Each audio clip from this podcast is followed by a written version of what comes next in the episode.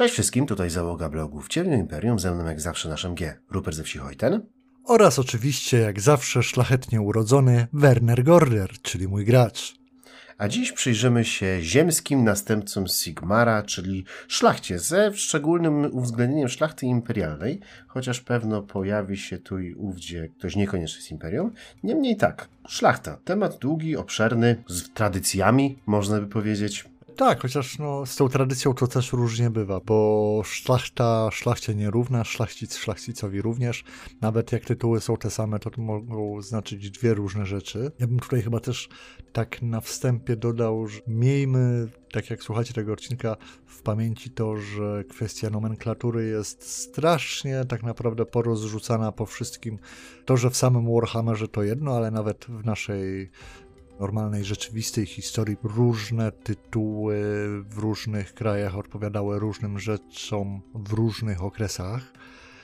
Więc jeżeli jeszcze do tego weźmiemy to do Warhammera, który z tego czerpał, który był pisany przez Anglików, którzy opisywali niby cesarstwo niemieckie, a potem my jeszcze rozmawiamy o tym po polsku na podstawie polskich tłumaczeń, to proszę się za bardzo nie przywiązywać do żadnego z tytułu czy określenia, które będzie padało w tym odcinku, bo z założenia jest to po prostu niemożliwe do uporządkowania raz i na zawsze, co nie zmienia faktu, że rzeczywiście możemy się nad tym zastanowić, co z czym się łączy, z czego się bierze, jakie mniej więcej były hierarchie i co mniej więcej czemu mogłoby odpowiadać.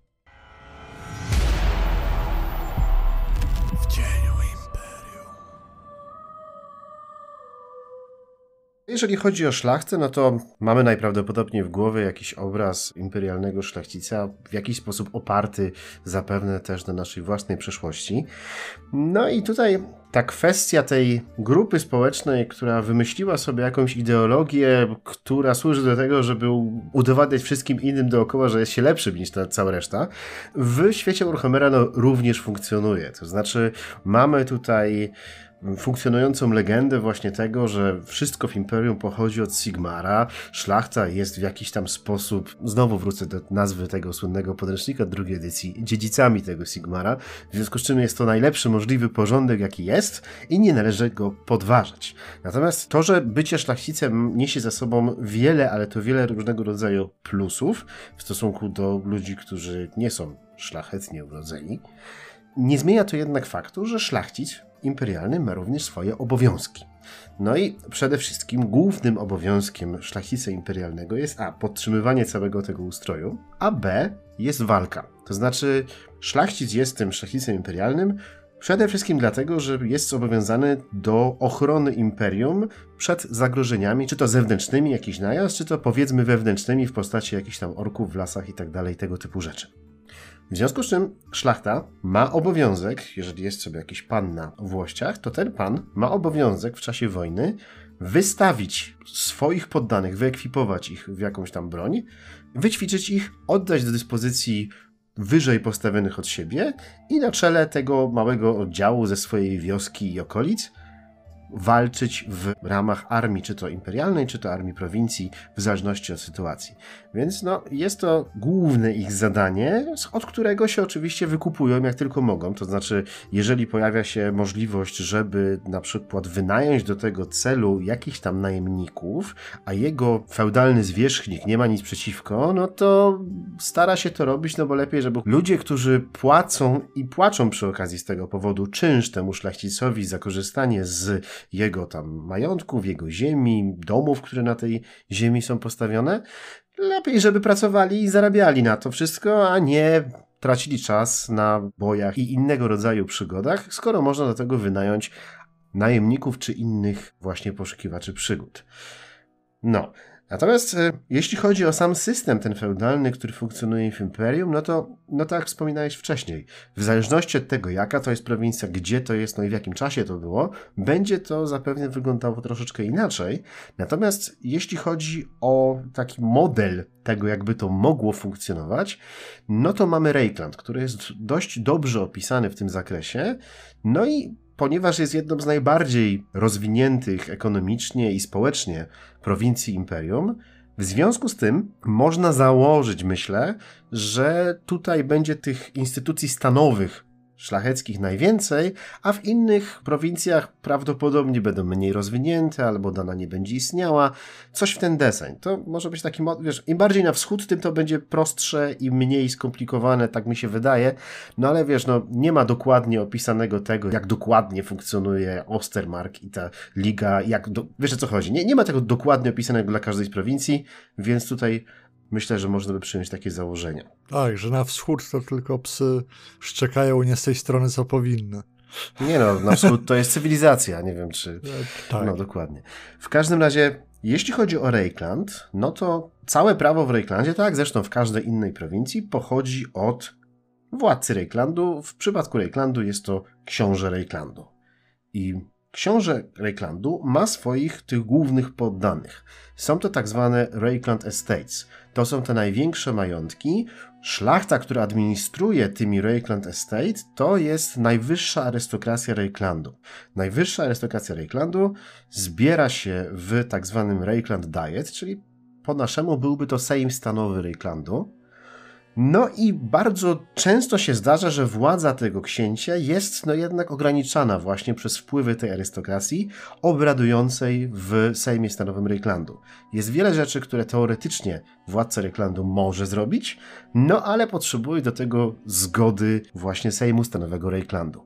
Każda z postaci, każdy z tych arystokratów, który ma to dziedziczne miejsce w Reikland Diet, ma też obowiązek wystawić co najmniej jeden regiment wojska do armii Reiklandu całego, co najmniej jeden. Więc tam Karoburg Great Swords, jeśli jest taki regiment, no to możemy wnioskować, że w Karoburgu jest taki Reikland Estate, który i tak dalej, i tak dalej. Każdy z tych Reikland Estate ma swoją własną strukturę wewnętrzną i dzieli się na mniejsze jednostki, które zarządzane są znowu przez szlachtę podległą arystokracji skupionej w Reikland Estates. Tak, no tutaj też takie, wiesz, jednak istotne przypomnienie systemu feudalnego, że o ile te wszystkie okrzyki za imperium, za imperatora i za Karola Franca to fajnie brzmi, pasuje na banery na figurkach i ładnie nam się kojarzy, no to jednak trzeba pamiętać, że z tamtejszej perspektywy, no to nie służy się cesarzowi czy komuś tam, tylko służy się swojemu panu, prawda? I to tak od samego dołu idzie się wyżej, ci na samym dole służą swojemu panu, ten pan służy większemu panu, ten pan nad nimi większemu panu i tak to idzie do cesarza i oczywiście jak jest wielka wojna, inwazja, chaosu czy coś takiego, to te okrzyki są za cesarza i imperium, okej, okay, niech będzie. Ale w większości tych potyczek, które się dzieją, zresztą bądźmy szczerzy, często pomiędzy poszczególnymi szlachcicami na różnych poziomach, czy to właśnie na jakichś tam poziomach, nie wiem, pomniejszych włości ziemskich, jakichś baronii i podobnych rzeczy, po same prowincje elektorskie, no to jak Nuln idzie się, ma jakąś niesnaskę o rzeczkę, potok i kawałek między za tym potokiem z Talabeklandem czy czymś, no to nie walczą za imperatora, tylko walczą z, powiedzmy księżną elektorkę, a pewnie jeszcze bardziej za swojego pana szlachetnego Fejfrauchera czy jakiegoś tam innego. I tak to wygląda.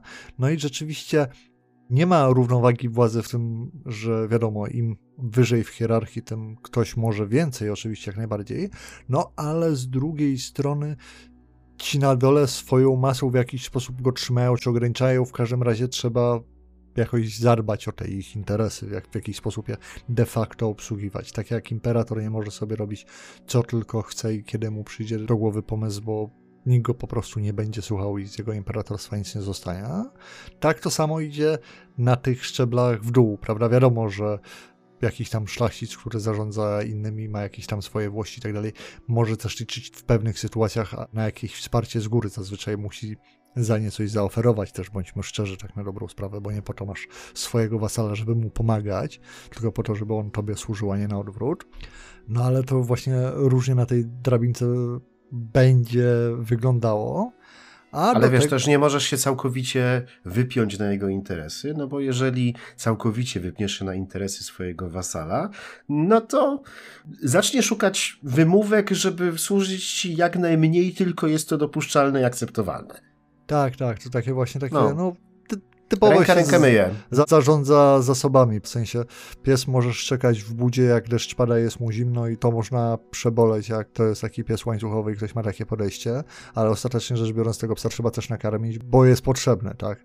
To mniej więcej w ten sposób działa i okej, no nie chce ci się tam biegać za problemami wasala, a tym bardziej łożyć pieniędzy armii na to, żeby je rozwiązywać, no ale nie można pozwolić na to, żeby tracić tych wasali, no bo wtedy się traci część swojej władzy, potęgi, siły, pieniędzy, przychodów, wszystkiego, nie? Więc to działa troszeczkę właśnie no, dwójnasób. No i oczywiście, jeżeli zbierze się iluś tam wasali, którzy tam reprezentują, nie wiem, czy, czy to okolice, czy prowincje, czy cokolwiek, i oni się czegoś domagają, no im się tego nie daje, to ciężko od nich wymóc, żeby robili coś innego i prawda, jest gdzieś tam właśnie jakieś dogadywanie się, kupczenie tytułami, przywilejami i podobnymi. No i oczywiście pamiętajmy, że o ile różne tam obowiązki, przywileje i przysięgi mogą brzmieć tak, że mają służyć czy to imperium, czy to prowincji, czy danemu domowi, no to prawda też jest taka, że ostatecznie rzecz biorąc wchodzi czysta prywata i to jest na tej zasadzie, no dobra, ja tutaj nie pomogę wam e, tych rodowych dóbr chronić, ale za to dla ciebie bezpośrednio mam tutaj taką piękny złoty, złotem mieszek wypchany, więc wiesz, ty nie będziesz robił dużych problemów, ja powiem, że się nie dało, jakoś to będzie. Coś tam spalą, no ale to nie twój problem, bo to tylko chłopów popalał i tego kuzyna, co go i tak nie lubisz. Ten odcinek sponsorowany jest przez Was, naszych patronów. W majowym konkursie do wygrania najnowszy podręcznik do czwartej edycji, czyli trzecia część niezbędnika wewnętrznego wroga, a w nim m.in. bohaterowie z Middenheim, sigmarycka herezja, przyczyny ulrykańskiego celibatu i wiele innych informacji o mieście Białego Wilka. Zatem jeżeli chcecie wesprzeć to, co robimy i otrzymać szansę na wygranie jednej z kopii tego podręcznika, zapraszamy na nasz Patronite. Tyle z autopromocji i teraz wracamy do odcinka. No, a kiedy już wspominasz o tytułach i sprzedaży tych tytułów, no to akurat w Rejklandzie nie jest to wcale takie proste. To znaczy, jeśli chodzi o szlachtę imperialną, wyróżniamy dwa rodzaje tej szlachty. Mianowicie mówimy o tytułach dziedzicznych i o tytułach niedziedzicznych.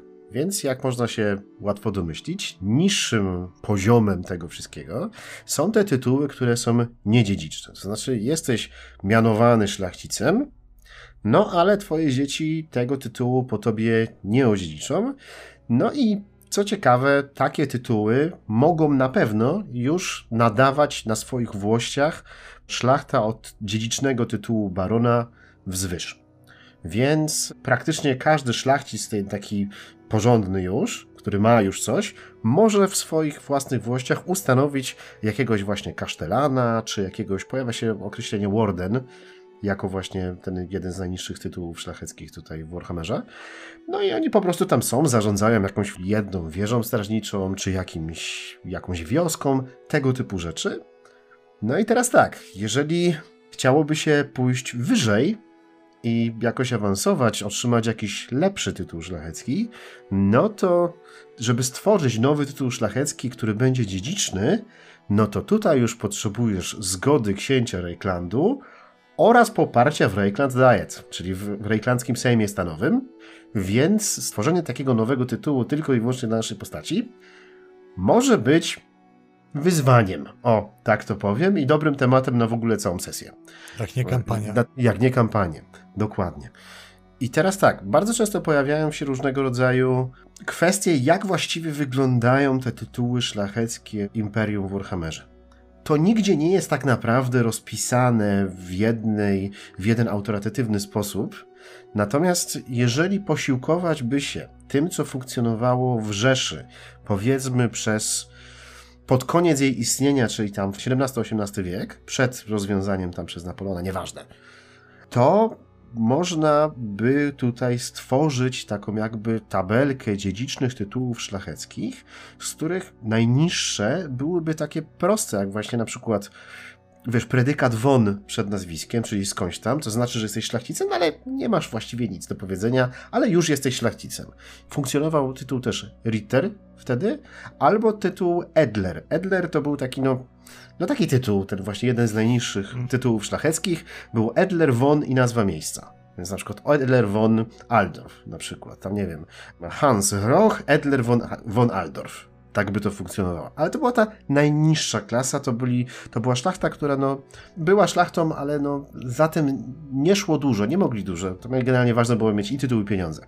Do tego dodajmy, że pewnie najbardziej uważali pośród zwykłych ludzi, że mogą najwięcej, bo wiadomo, że każdy, kto jest na dole swojej drabinki, jak patrzy na tę drabinkę, która jest jeszcze niżej, to się w ogóle czuje, że jest rewelacyjny i o ile wyżej to on nie jest, prawda? No pewno tak.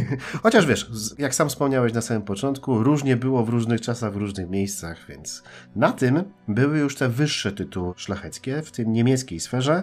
One były takie, był Freiherr albo Freiherrin i to był po polsku baron, to był najniższy z tych wyższych.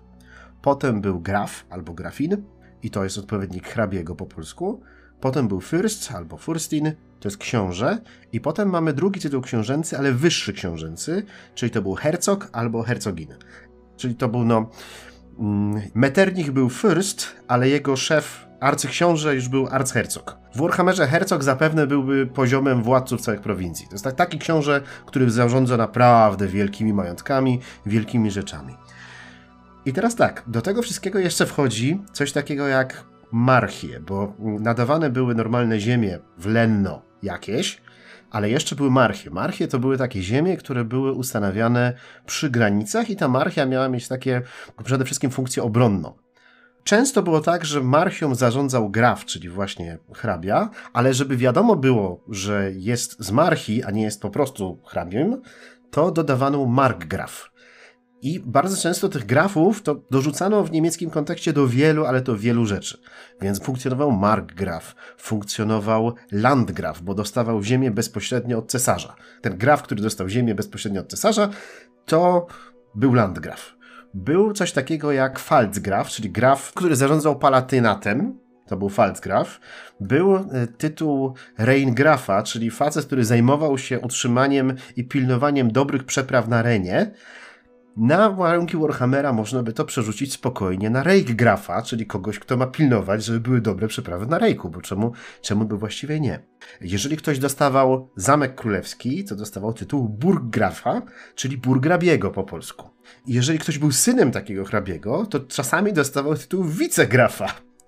Więc Tutaj jest cała masa tego typu dodatków i czasami się można spotkać w Warhammerze, że ktoś jest właśnie markgrafem. Zdaje się, że w tej przygodzie, co jest e, impreza, władca Obersreiku, tam masz mhm. cały katalog różnego rodzaju właśnie i chyba pojawia się markgraf, pojawia się ktoś tam.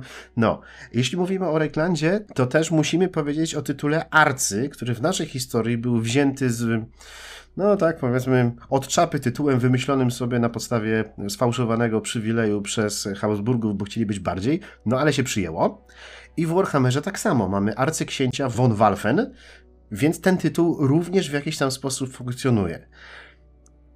Więc niby podział na proste cztery jakieś takie poziomy, ale w ramach tych poziomów dodatków do tego wszystkiego jest bardzo dużo, a ustalenie w naszej prawdziwej historii tego, który z nich w danej chwili miał być ważniejszy lub mniej ważny, no nie było łatwe, no i zapewne było powodem do wielu zatargów, wielu gierek, kto zostanie wyczytany wcześniej i tak dalej.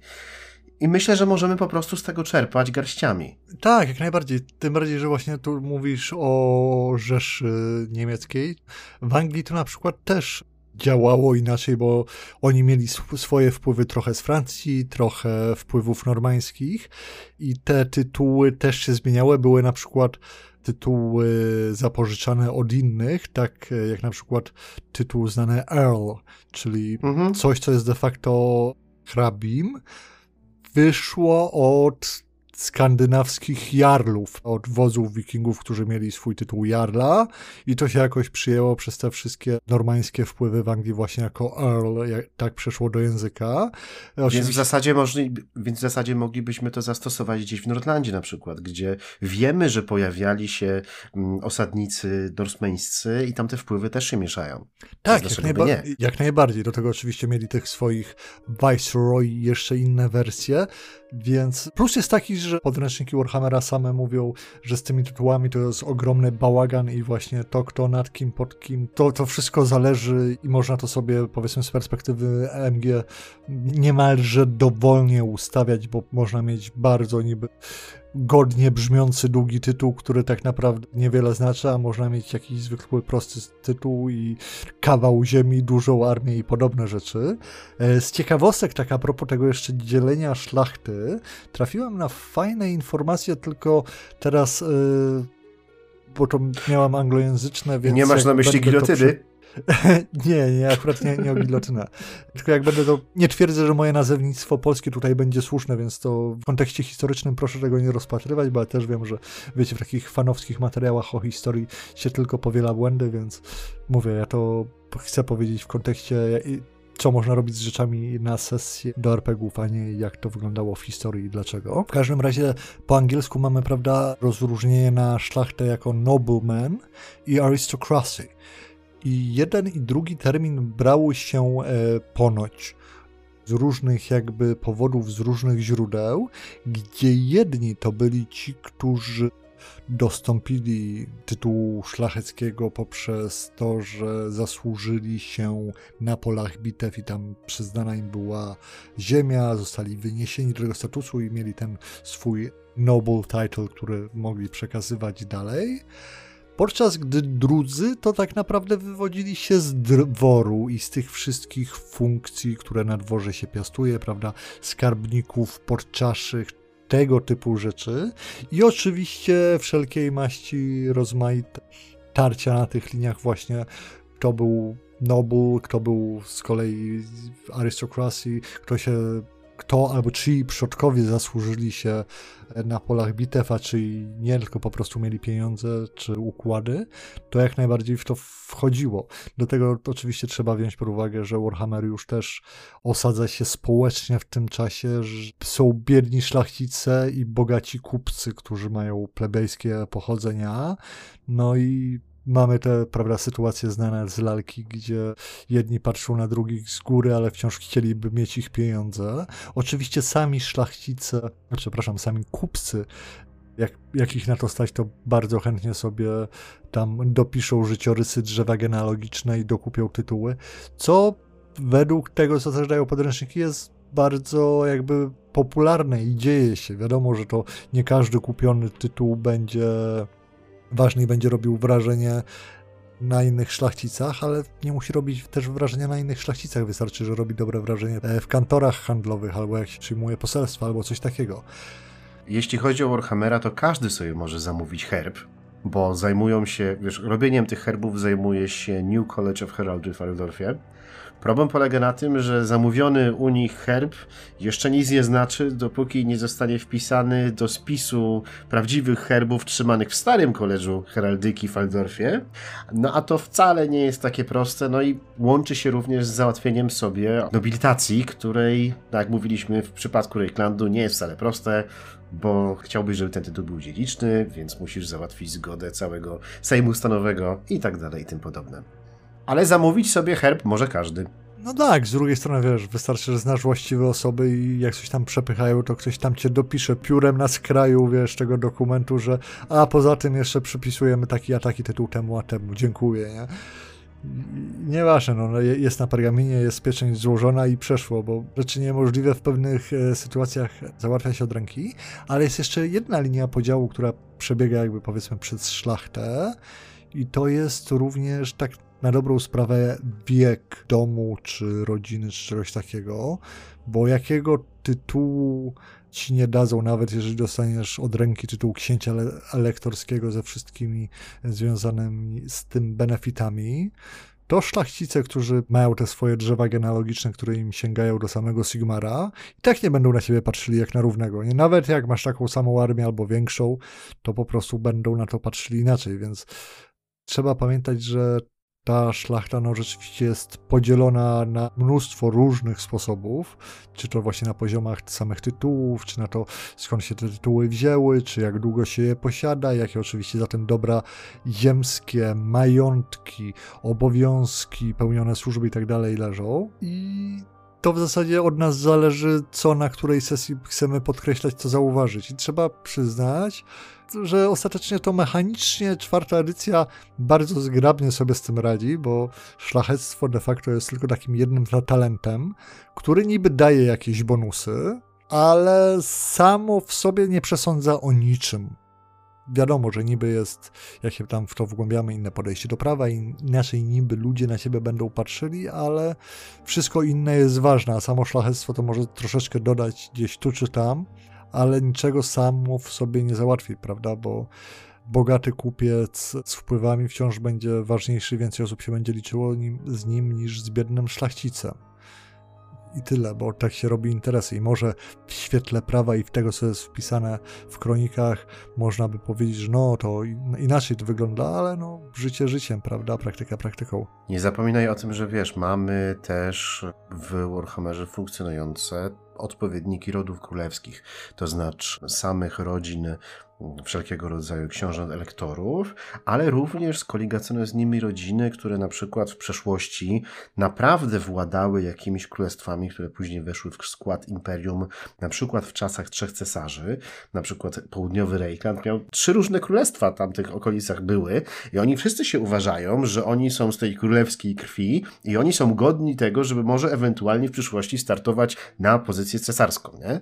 Więc to jest zupełnie inne podejście, jeżeli masz taki ród, który ma tradycję kilkusetletnią, tysiąc lat na przykład w przeszłość sięga, no a ktoś, kto jest w drugim pokoleniu dopiero co właściwie noworyszem takim. Tak, to, to tak jak z pieniędzmi. Są bogaci ludzie z urodzenia i są nowobogaccy. Jedni drudzy się średnio mieszają, chyba że trzeba, no po prostu. Tak, ale to jest chyba już temat na inny odcinek. To prawda, chociaż też bym jeszcze tak dodał, że jak patrzymy na te timeliny, prawda, umieszczone w podręcznikach do RPG, co się kiedyś działo, to przy różnych takich wielkich wydarzeniach typu Czas Trzech Cesarzy, Imperatowa Magritta i tak dalej, mamy napisane, że wtedy generalnie no, nikt się tym nie przejmował, tytuły sprzedawano i rozkupywano jak się chciało, tworzono nowe, zmieniano stare i kombinowano jak jasna cholera. Więc naprawdę nie ma też problemu, żeby na sesjach wymyślać rzeczy w stylu, że ktoś z tego bogatego, ważnego, szlacheckiego domu tak naprawdę okazuje się, że 300 lat wcześniej wywoił się z kupieskiej rodziny, albo nawet bez mała chłopskiej, która w jakiś sposób się dorobiła albo zasłużyła na wojnie. I ten tytuł, tak na dobrą sprawę, to ostatecznie nigdy nie został potwierdzony, ten herb nigdy nie przeszedł, i że tak de facto to oni tych 300 iluś tam lat wcale nie są tymi szlachcicami.